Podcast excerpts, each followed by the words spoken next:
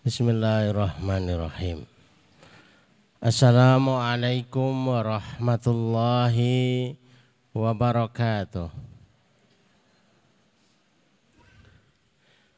Innal hamdalillah nahmaduhu wa nasta'inuhu wa nastaghfiruh wa nastahdihi wa na'udzu billahi min shururi anfusina ومن سيئات أعمالنا من يهده الله فلا مضل له ومن يضلل فلا هادي له. نشهد أن لا إله إلا الله ونشهد أن محمدا عبده ونبيه ورسوله. لا نبي ولا رسول بعده. Allahumma syrah sudurana wa tazawas an sayyiatina wa hab lana fahmal anbiya wal mursalin wa hab lana fahmas salafus salih. Allahumma anfa'na bima 'allamtana wa 'allimna ma yanfa'una wa zidna ilman wa na'udzu billahi min ahwali ahli nar Allahumma la sahla illa ma ja'altahu sahla. Wa anta taj'alul hazna idza syi'ta sahla.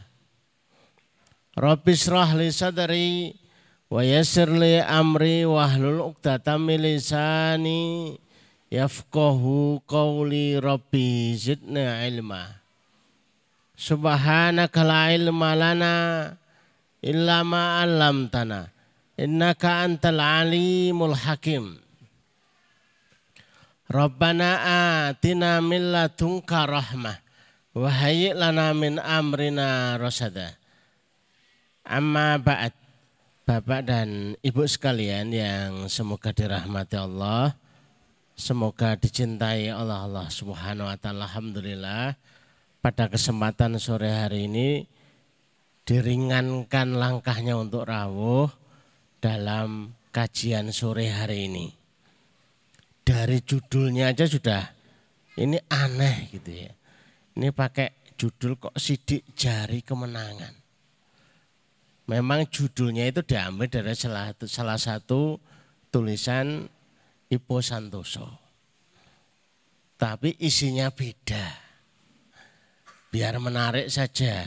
Kayaknya sama itu itu sama judulnya saja, tapi beda isinya. Tentunya sesuai dengan apa yang kita pahami oleh kita semua. Bapak dan Ibu yang semoga dirahmati Allah dan semoga dicintai oleh Allah Subhanahu wa taala. Banyak yang mengira bahwa hadirnya dalam sebuah kajian yang paling pokok itu adalah isinya Padahal bukan itu. Isi materinya biasa saja. Itu bisa membaca buku sendiri. Tapi kerahuan panjenengan itu yang paling berharga di sisi Allah. Sejak keluar man kharaja fi talabil ilmi fahuwa fi sabilillahi hatta yarji'a. Sejak keluar dari rumah sejak langkah pertama.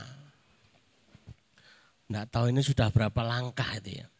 Apalagi muter-muter, apalagi kesesat dan. Kena macet dan lain Ada apalagi kancilan dan lain sebagainya. Itu tambah. Padahal sejak langkah pertama itu dihitung visabilillah. Sebagaimana mereka yang berada di jalan Allah semakin bulat, semakin muter, semakin jauh, visabilillahnya semakin lama. Jadi kalau Bapak Ibu itu pengen dicatat visabilillah itu tambah lama, sebenarnya gampang, nginep. Nginep di sini itu sudah dihitung visabilillah tambah lama itu. Ngaji kok nggak pulang-pulang. Karena ketemu hadis Rasulullah, man kharaja fi talabil ilmi fahuwa fi sabilillahi hatta yarji'ah. Adapun tambah faham, tambah ngerti, tambah ilmu. Itu tambahannya saja. Man yuridillahu bihi khairan yufaqihu fiddin. Siapa yang dikehendaki oleh Allah itu orangnya baik. Indikator orang itu disebut baik, maka dia itu akan dibawa sebuah proses. Dimudahkan, ditapakkan, dilangkahkan menuju faham terhadap agamanya. Semakin hari semakin ngerti, semakin ngerti. Oh ternyata ini maknanya ini. Ternyata maksudnya begini. Makin hari makin tambah faham. Ini karena sudah waktunya sore, kita akan lihat sidik jari kemenangan. Coba dilihat slide yang pertama agar kita bisa memahami maksudnya apa. Sudah judulnya aja cara setiap orang itu berbeda. Saya yakin Bapak Ibu yang dirahmati Allah begitu membaca ini ada sebuah kelonggaran, kelapangan. Ternyata dari cara tilawah saja sudah berbeda. Ada yang tilawahnya 10 juz, ada yang tilawahnya lima juz, ada yang satu juz karena one dewan juz. Ada yang satu lembar, ada yang tilawahnya tidak sama sekali. Kok beda-beda ya? Cara menghafalnya juga beda. Sehingga tidak perlu anaknya dimarahi. Kamu didaftarkan jadi penghafal Quran kenapa enggak hafal-hafal? Disuruh menghafal, pengennya 30 juz, dia malah hafal 40 juz. Berarti kan over. Ini yang 10 juz yang dihafal juz mana? Ya juz jambu, juz alpukat, tambah banyak. Jadi menghafalnya itu beda-beda. Ada yang lewat mendengar, ada yang lewat Al-Quran berwarna, ada yang mantapnya itu kalau Qurannya itu gede gitu. Mantap makplek, makplek, makplek gitu, mantep. Cara belajarnya juga beda. Bapaknya itu ngasih tahu kepada anaknya, kamu itu kalau sudah usia sekian itu harusnya sudah kuliah. Dulu bapak itu usia sekian kuliah. Masing-masing beda. Ada yang usia 17 itu masih kuliah. Ada yang 17 sudah kerja. Ada yang usia 17 sudah momok. Momong anak. Beda. Begitu pula cara kehidupannya juga beda. Ada yang bakda subuh itu ada yang mapan tidur lagi. Ada yang bakda subuh itu baca zikir pagi. Ada yang bakda subuh itu buka maksurat. Ada yang bakda subuh itu mutar tasbih. Astagfirullahaladzim, astagfirullahaladzim, astagfirullahaladzim sampai 4000 kali. Masing-masing beda. Lah, perbedaan satu orang dengan satu orang yang lain itu ibarat sidik jari. Enggak pernah sama. Sehingga agar kita itu bisa memaklumi, bisa mafhum, bisa ngerti. Oh ternyata anak saya beda. Ternyata ibu saya beda. Begitu pula cara ibadahnya nanti ketemu Ramadan beda-beda. Ada yang senengnya itu itikaf terus. Ada yang senengnya tilawah terus. Ada yang senengnya itu adalah memberikan buka puasa terus. Ada yang senengnya itu baca istighfar terus. silahkan. Selama itu kebaikan ada dasarnya beda-beda itu tidak ada masalah. Perbedaan yang ada pada umatku itu betul-betul akan menjadi rahmat. Karena tahu sekalipun beda-beda itu hadisnya jelas, itu dalilnya jelas, maka mengikutinya jelas. Hanya perbedaan begitu saja. Jadi yang pernah ngaji, pernah mendengar, pernah membaca, walaupun cuma satu kali saja, hafal yonda, tapi sudah ngerti saya pernah ngaji nih. Maksudnya ini, itu sudah bisa menjadi sebuah pijakan, menjadi sebuah landasan. Sehingga cara orang itu berbeda-beda, maka cara berhasilnya juga beda-beda.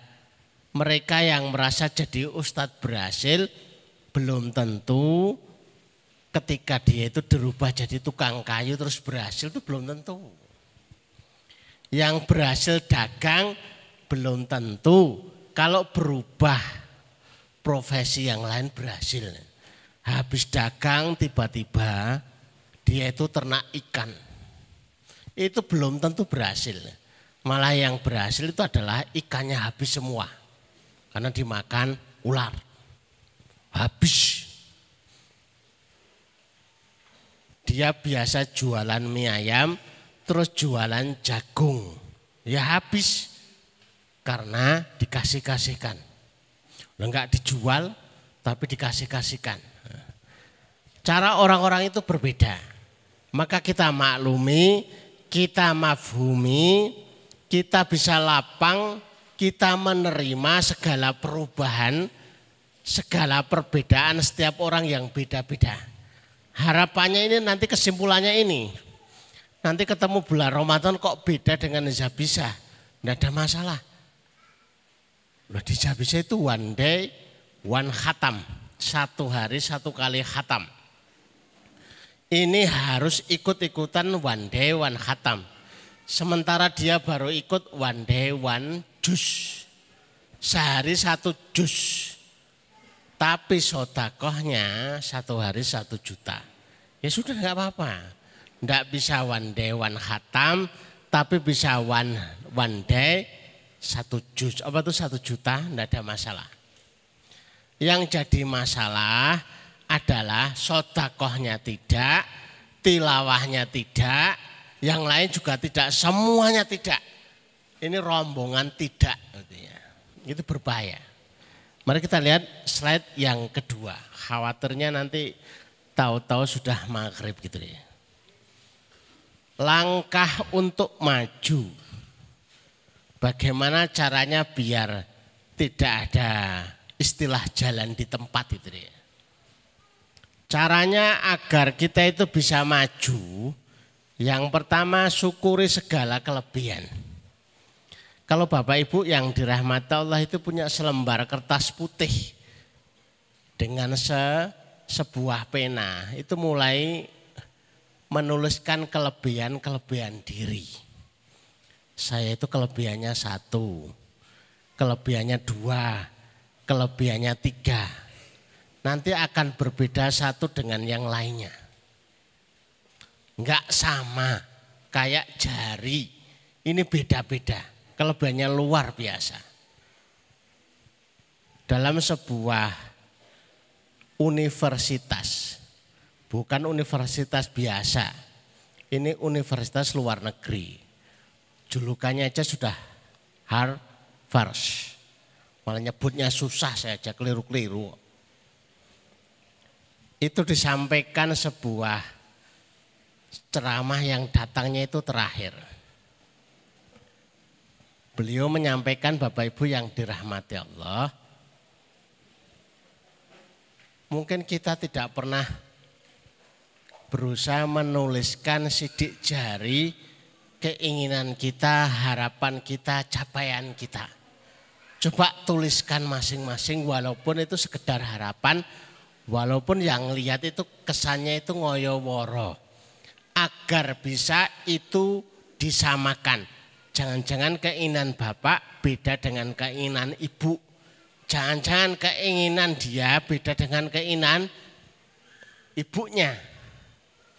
Keinginan pasangan itu belum tentu sama. Keinginan anak belum tentu sama dengan keinginan orang tua.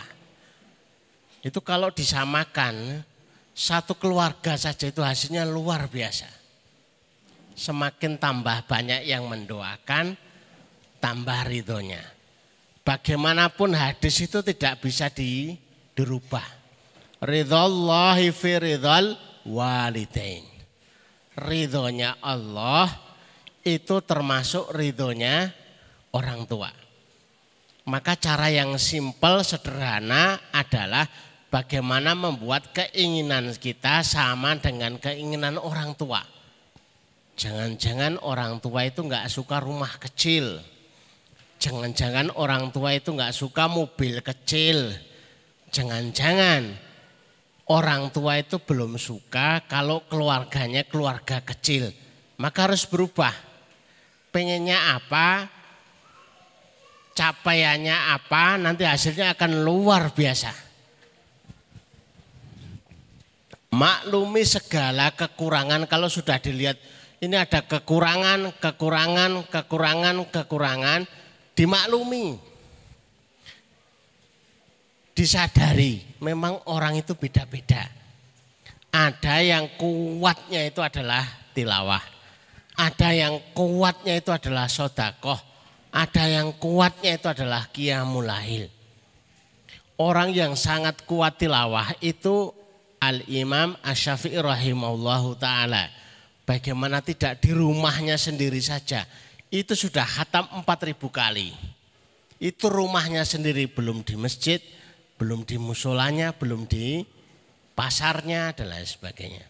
Sepertinya itu hebat banget. Tapi begitu ketemu Imam Abu Hanifah, itu jadi beda lagi. Imam Abu Hanifah itu dikenal dengan 40 tahun. 40 tahun itu sholat subuhnya dengan wudhu sholat isya. Berarti selama 40 tahun tidak pernah tidur malam. Kapan tidurnya? Ba'da duhur sampai asar. Kalau tidur siang cuma sehari dua hari kuat. Si tidur siang kok 40 tahun itu kan yo lempoh gitu. Begadang kok selama 40 tahun. Tapi ini prestasinya, hasilnya adalah ilmunya luar biasa. Kemudian yang ketiga adalah syukuri segala nikmat. Apa pun yang datang, apa pun yang dihadirkan itu bukan kebetulan. Tapi itu adalah pilihan, itu adalah kehendak Allah Subhanahu wa taala. Asa antakrohu syai'a wa huwa khairul lakum. Boleh jadi kamu itu enggak suka. Boleh jadi itu belum srek. Boleh jadi itu belum seneng. Boleh jadi itu jengkel. Boleh jadi itu masih gonduk, masih ndak nek, masih nek hatinya gitu loh. Tapi Allah menciptakan di dalamnya itu ada kebaikan. Wallahu ya'lamu wa antum la ta'lamun. Kamu tidak tahu tapi Allah itu tahu. Jadi dia berusaha untuk ridho dengan segala pilihan Allah Azza wa Jalla. Kemudian yang keempatnya setiap nikmat itu ada amanah syukurnya. Baik amanah syukur dengan ungkapan lisan, amanah syukur dengan ungkapan perbuatan, amanah syukur dengan sikap-sikap yang harus dilakukan semuanya membutuhkan syukur. Maka setiap ada nikmat itu mesti ada amanahnya. Jangan mengira banyak nikmat itu enak.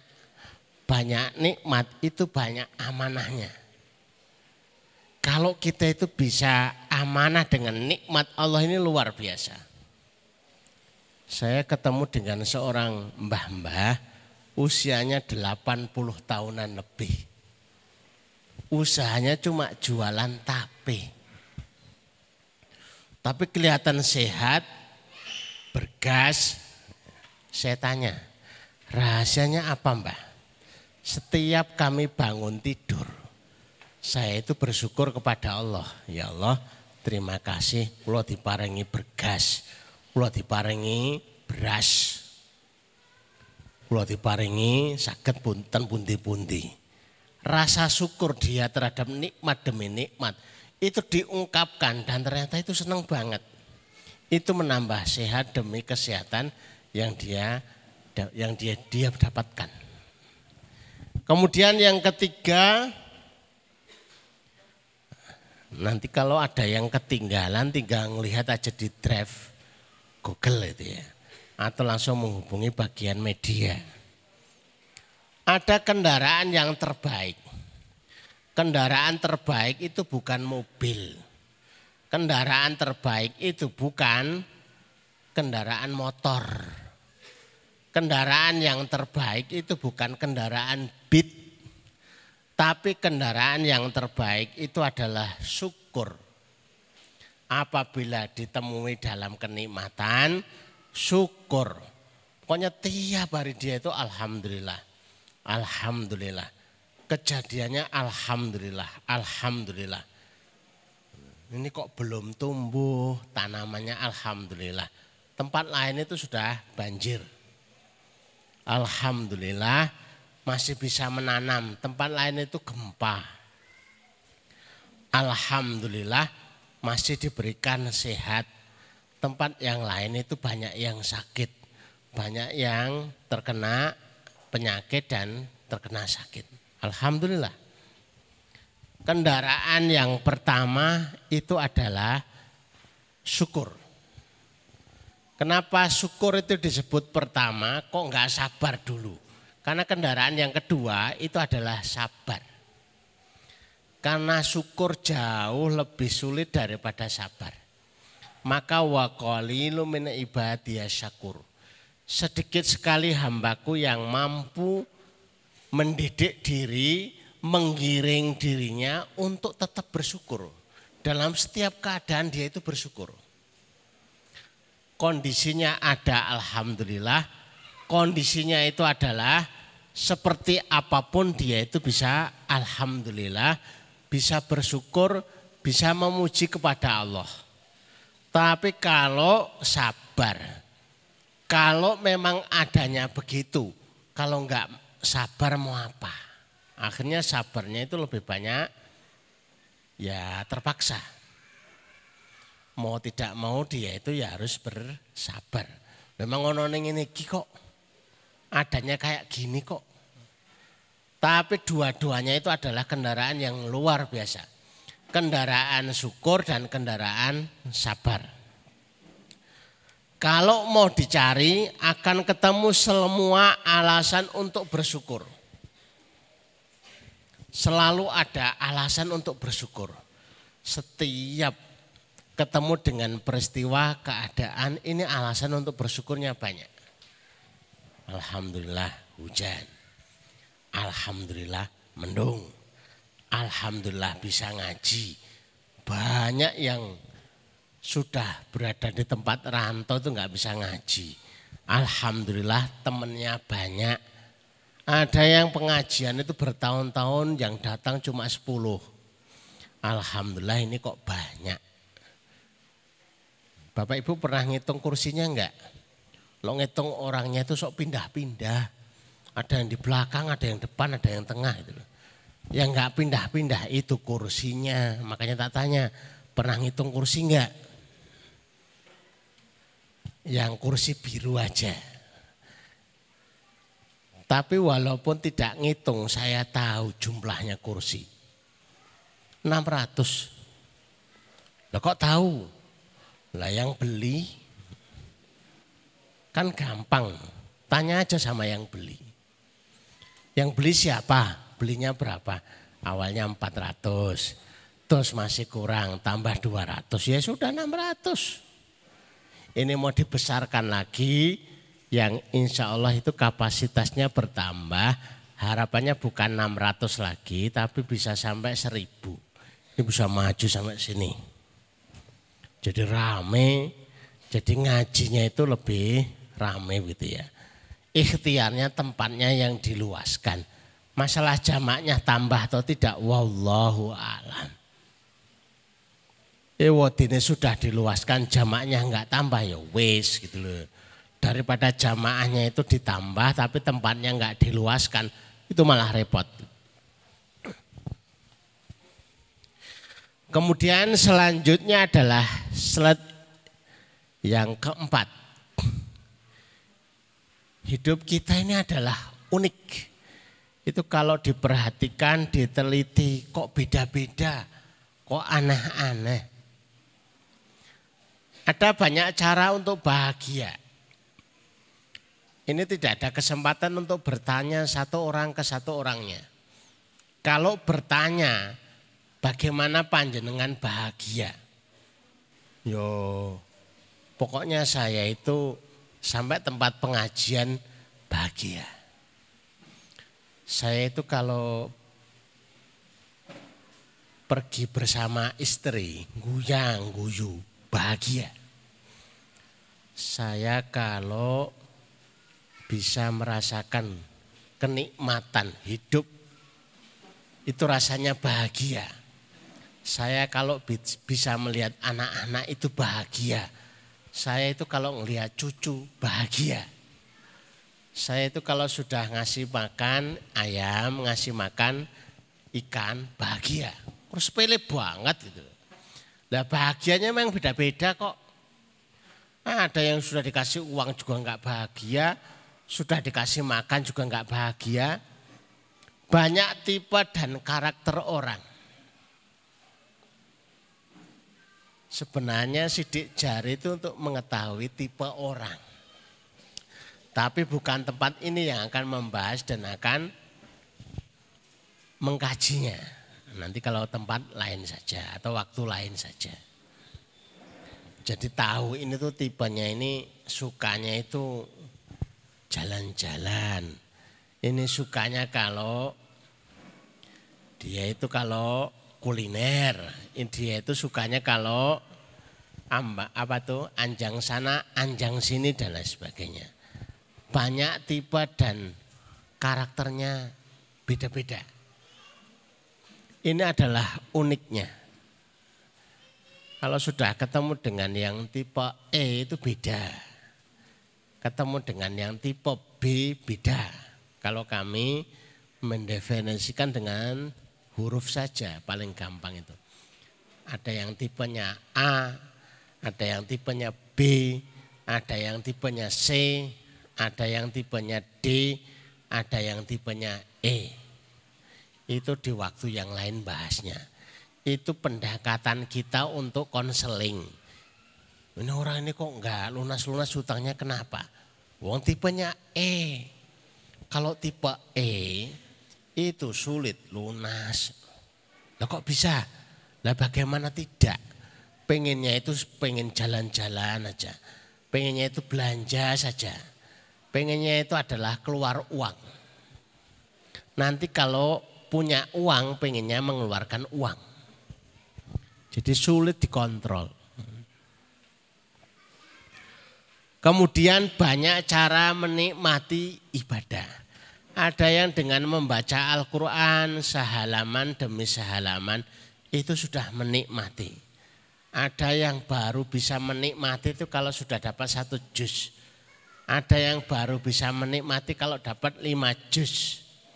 Ada yang baru bisa menikmati kalau dia itu sudah ketiduran sambil membaca Quran ketiduran.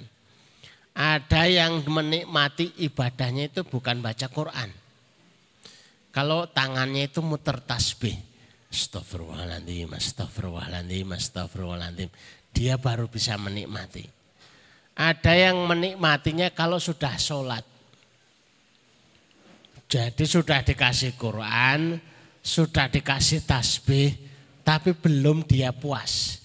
Tapi kalau sudah dia sholat dua rakaat puas sudah sholat empat rakaat puas. Ada yang kepuasan dirinya dalam soalan ibadah kalau sudah memberikan sodakoh kepada orang lain. Masing-masing beda. Tidak ada masalah. Mau pilih yang mana nggak ada masalah. Yang penting itu adalah ibadah. Maka tuftahul ibadatu kama tuftahul arzak. Itu bahasa Arabnya. Dibukakan pintu-pintu ibadah, kesempatan ibadah, kemudahan ibadah itu sebagaimana dibukakan pintu-pintu kesempatan untuk mendapatkan rezeki. Itu makanya ada orang kok saya itu sukanya puasa, saya itu sukanya itu sodakoh, saya itu sukanya tilawah, saya itu sukanya sholat, saya itu sukanya kalau silaturahim. Saya itu sukanya kalau membuka kebaikan demi kebaikan menolong orang lain. Masing-masing kita adalah unik. Tinggal dipilih mana asalkan pintu-pintu kebaikan dalilnya jelas, rujukannya jelas, kita menjadi sosok-sosok khairun nas anfa'uhum linas. Sebaik-baik manusia yang paling dirasakan manfaat bagi manusia yang lain. Ada yang dirasakan manfaat itu karena uangnya. Ada yang dirasakan manfaat karena pertolongannya.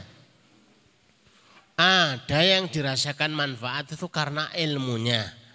Ada yang dirasakan manfaat karena keberadaannya. Masing-masing beda. Masing-masing adalah unik. Coba kita lihat yang selanjutnya agar kita lebih lengkap mendapatkan tambahnya.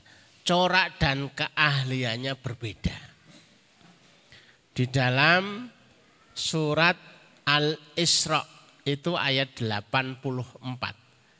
Ada enggak? Karena enggak bawa Quran jadi enggak tahu. Tapi itu surat Al-Isra ayat 84 walaupun tidak tertulis.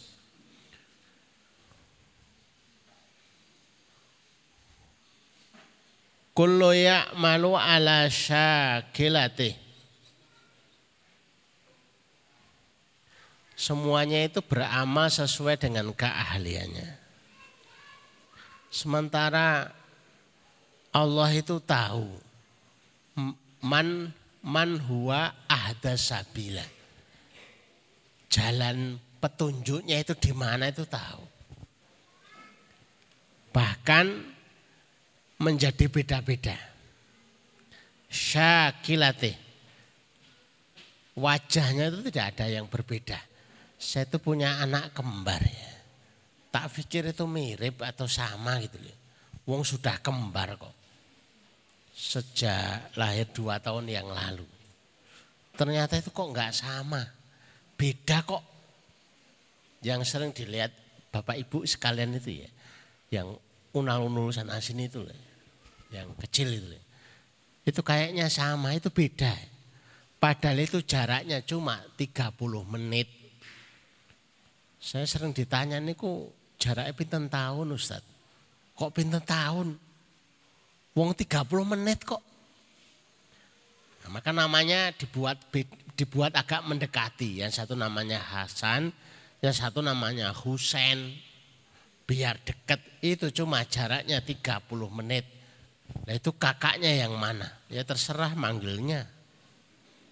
Loh cuma 30 menit tok. Katanya yang lahir duluan namanya itu kakak. Tapi ada lagi yang punya pendapat kalaupun lahir duluan tapi yang lahir terakhir itu dipanggil kakak dan lain sebagainya. Ya terserahlah. Walaupun kembar itu sudah beda. Karakternya beda. Uniknya beda, kebiasaan beda, yang disukai juga beda. Jadi corak dan keahliannya itu beda. Sekalipun itu adalah anak yang lahirnya kembar. Kalau Husain itu paling senang kalau ketemu dengan santri putra. Tapi kalau Hasan senangnya dengan santri putri. Ya beda-beda maka betah. Kalau diajak ke santri putri itu Hasan itu paling betah. Tapi kalau Husain paling senang kalau diajak jalan-jalan ke santri putra. Masing-masing itu beda-beda. Sudah punya kebiasaan yang beda-beda. Coba kita lihat selanjutnya, slide selanjutnya. Coba dilihatkan mas. Ya. Semisal sidik jari, tidak ada yang sama. Sepintas nampak sama. Cuma iya bentuknya kayak jempol, kayak jari telunjuk. Tapi tidak ada yang sama. Gerakan apa tuh? Putaran yang ada di dalamnya itu beda-beda. Sukses dengan keahlian dan waktu masing-masing. Jadi jangan dipaksa. Kamu harus sukses usia 21 tahun. Nak, kamu harus nikah pada usia 22 tahun. Lo kok jangankan anak-anak, bapak-bapaknya aja beda. Kalau ditanya panjenengan nikahnya umur berapa bapak? Nanti kan beda-beda, ada yang 22, ada yang 24, ada yang 30 tahun, nah itu bablas ini. Ini Joko Tua. Kok beda sendiri? Itu bukan berarti tidak sukses. Ya memang suksesnya usia 30 tahun. Berhasilnya usia 24 tahun. Dimaklumi saja. Memang dia menempuh dan jalannya begitu. Masing-masing ada kelebihan, ada keutamaan, ya terserah Allah ngasih rezekinya seperti itu. Dengan doa dan cara yang berbeda. Ada anak yang berdoa sehari itu 10 doa. Tapi juga ada seorang anak yang berdoanya itu sehari 30 doa. Mereka yang berdoa lebih banyak suksesnya lebih cepat daripada yang sedikit. Mereka yang ibadahnya lebih banyak, suksesnya juga lebih cepat. Kami biasa menyuruh anak-anak, yuk tilawah, yuk tilawah, yuk tilawah. Bapak ibu tilawah. Karena kami sudah memulai sejak 21 tahun yang lalu. Bahkan sebelum menikah itu sudah memulai dengan tilawah lima juz. Sudah membiasakan.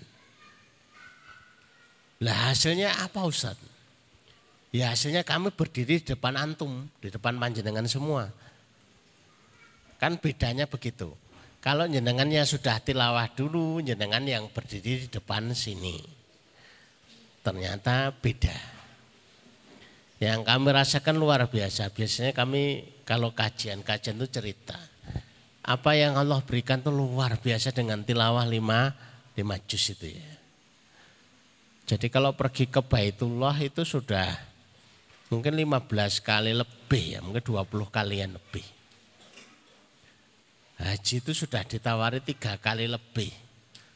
Selebihnya kami nggak nggak mau haji lagi gitu loh. Sudah dua kali aja sudah cukup kasihan yang lain ngantri gitu. Oh, dua kali saja sudah luar biasa kok. Nikmati dan syukuri keunikan dan kelebihan masing-masing. Agar seseorang itu nikmat syukurnya itu berlebih, nikmat syukurnya itu bisa dijaga, dirawat, sehingga dengan nikmat syukurnya itu nikmat bertambah-tambah. La in syakartum la azidannakum. Kalau kamu bersyukur dan pinter bagaimana caranya untuk bisa menggunakan rasa syukur. La azidannakum betul-betul kami akan tambahkan nikmat itu. Semakin bertambah nikmat itu semakin bertambah pemberian dari Allah Subhanahu wa taala. Kemudian selanjutnya coba slide selanjutnya. tempat minumnya masing-masing. Ini sudah ketemu dengan ayat ya. Kalau di dalam bukunya enggak ada ayatnya ini. Wa idistasqa Musa liqaumihi faqul nadribi asakal hajar. Fang fajarat min huthnata asrota aina qad alima kullu unasi masrabahum kulu wasrabu min rizqillahi wala ta'thaw fil ardi mufsidin. Pada kejadian apa itu umat Nabiullah Musa batu itu dipukul. Dan ketika dipukul itu munculnya adalah 12 mata air. Bahwa masing-masing itu mengikuti mata air tanpa keliru. Agar semuanya bisa mengetahui bahwa masing-masing itu sudah disediap, sudah disiapkan tempat minumnya. Kalau urusan minum saja itu sudah diurusi. Loh kok ini ngerepoti urusan rezeki gitu loh. Kalau urusan minum aja itu sudah jelas. Tidak keliru gelasnya itu nggak keliru. Tempat keluarnya itu nggak akan keliru-keliru. Apalagi ini jodohnya keliru, rezekinya keliru. Nggak mungkin. Sudah aturannya itu sudah sedemikian rapi. Maka sebagaimana yang kami sampaikan. Tidak ada daun yang jatuh di malam yang gelap. Kecepatan jatuhnya berapa? Itu Allah tahu. Muter berapa kali Allah tahu. Jatuhnya pada posisi seperti apa Allah tahu. Terus berada nanti menghadap ke mana daun itu Allah tahu. Bagaimana mungkin urusan jatuhnya daun itu Allah tahu, ngerti, rapi, detail. Sementara urusan hambanya itu terbengkalai yang maha ngerti, al-alimu yang maha tahu, jauh lebih mengerti tentang segala urusan. Sehingga ini sudah selesai, secara materi sudah selesai. Kalau saya sudah tanda-tanda selesai ya selesai.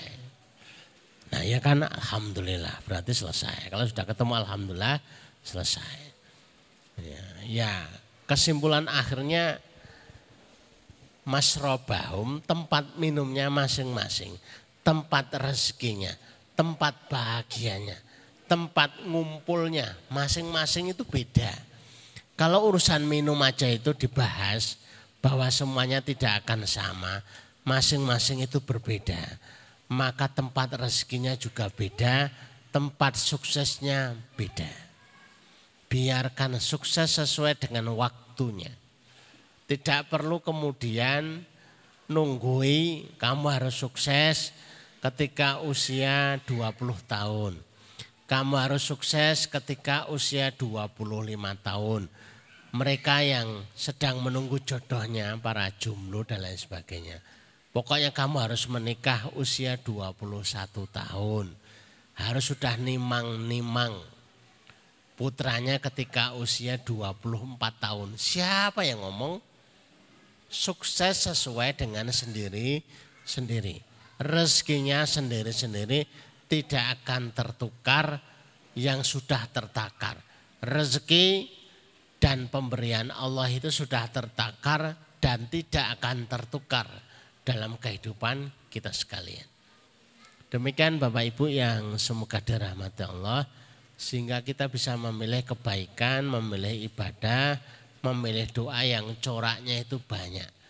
Ada yang sebenarnya disebutkan itu doanya itu belum cocok. Aku kok nggak cocok dengan doanya. Ya sudah ganti aja. Saya kok nggak cocok dengan ibadahnya. Ya sudah pakai ibadah yang lain saja. Yang masih diperintahkan oleh Allah ataupun ada hadisnya. Yang penting ibadahnya itu jelas-jelas mengarah kepada dalil-dalil yang sudah ada. Demikian Bapak Ibu yang semoga dirahmati Allah kita tutup majelis kita dengan bersama-sama menata hati kita, menata pikiran kita, menata lisan kita, kita panjatkan doa-doa yang terbaik di waktu yang mustajab ini. Mari Bismillahirrahmanirrahim. Allahumma salli ala Muhammad wa ala ali Muhammad kama sallaita ala Ibrahim wa ala ali Ibrahim innaka Hamidum Majid. Allahumma barik ala Muhammad wa ala ali Muhammad kama barakta ala Ibrahim wa ala ali Ibrahim fil alamin innaka Hamidum Majid. Walhamdulillahi rabbil alamin hamdan syakirin hamdan naimin hamdan na'amahu wa yukafi mazidah ya rabbana lakal hamdu kama yanbaghi li jalali wajhika wa adhimi sultanik. La ilaha illa anta subhanaka inni kuntu minadh dhalimin La ilaha illa anta subhanaka inni kuntu minadh zalimin. La ilaha illa anta subhanaka inni kuntu minadh zalimin. Allahumma ya Rahman ya Rahim. Ya Hayyu ya Qayyum ya Dzal Jalali wal Ikram. Allahumma ya Rahman ya Rahim. Ya Hayyu ya Qayyum ya Dzal Jalali wal Ikram. Allahumma ya Rahman ya Rahim ya Hayyu ya Qayyum ya Dzal Jalali wal Ikram.